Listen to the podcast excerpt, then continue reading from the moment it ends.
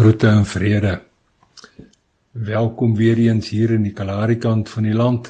En dis nou waar ek in die mooiste mooi woon, werk en ook kerk. Die laaste gedeelte van 1 Johannes 4 se 12de versie. Dis nou in die Nuwe Lewende Vertaling bepaal die volgende: As ons egter mekaar werklik aanhou lief hê, leef God in ons optrede en het sy liefde in ons optrede ten volle tot verwesenliking gekom. Vanmiddag se storie se naam Liefdeslesse.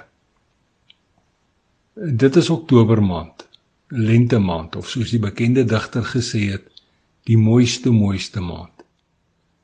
Ek sit buite op die voorstoep met my oranje koffiebeker en verkyk my aan die lente reën wat doeksag vanuit 'n grysblou wolkmassa neerdal lentereën wat met skulpad spoed die reënmeter drupsgewys laat styg.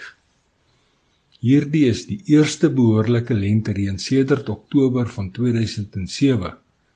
En dis nou toe groot koes al ons aardse besittings Nunipa toe gebring het met sy Isuzu. Ons wêreld moet waarlik waar diep droog wees, dink ek by myselfers. Elke druppel genadewater van hierdie lentereën verdwyn op slag as dit op die dorstige Kalahari vlak val. Net so droog soos die woestyn in jou binneste binne op daardie stadium toe ek julle hiernatoe gestuur het, raak die Heilige Gees onverwags deel van die stoepsit gesprek. Met hierdie woorde nog vars in my gemoed, spring my dinkdinge oral oor in die wêreld vol, amper amper soos baldadige boklammers wat lank op kraal gestaan het. So herinner die Heilige Gees my hoe op 1 Oktober dinge in my lewe hier in die Kalahari begin verander het. Hier in ons droëwoestyn wêreld het ek kom mens raak. Ek het kom gelowig raak, kom uitverkoop raak aan sy onverklaarbare liefde. Tussen vergete en alleen mense wat ver verwyder is van almal en alles het hy my in die mooiste mooi kom leer van liefde. Liefdeslesse oor sy onverklaarbare, ewigdurende en onmeetbare liefde vir alle mense goed. Mense goed wat van nature almal dorstig is. So het ek in die mooiste mooi geleer dat liefde gewillige hande het om ander mense goed se vrag te help dra. Dit is nou ongeag lossand of ongeskrapte tweespoorpaadjies. Asof dit nie genoeg is nie, loop liefde se voete ook oor daardie ekstra dwarsduine. Al voel dit soms asof die gewig van vergryste verwerptes te swaar is om te dra. Liefde het ook knieë wat maklik buig. Dis nou wanneer onverdiende genade en guns van hom as liefdesgod gevra word. Ons het ook geleer dat liefdesoë dieper kyk en liefdesore fyner hoor. Veral wanneer gebroke mense goed verneder eenkant staan en in stil swye hulle versigtings en geluidlose noodkrete oor die vlak laat weergalm. Die skepper van hemelgoed en stofaarde se liefdeslesse leer dat liefde 'n mond het om te troos en met sagtheid meer van hom en sy woord te vertel. Opbeurende trooswoorde vol seënwense en bemoediging.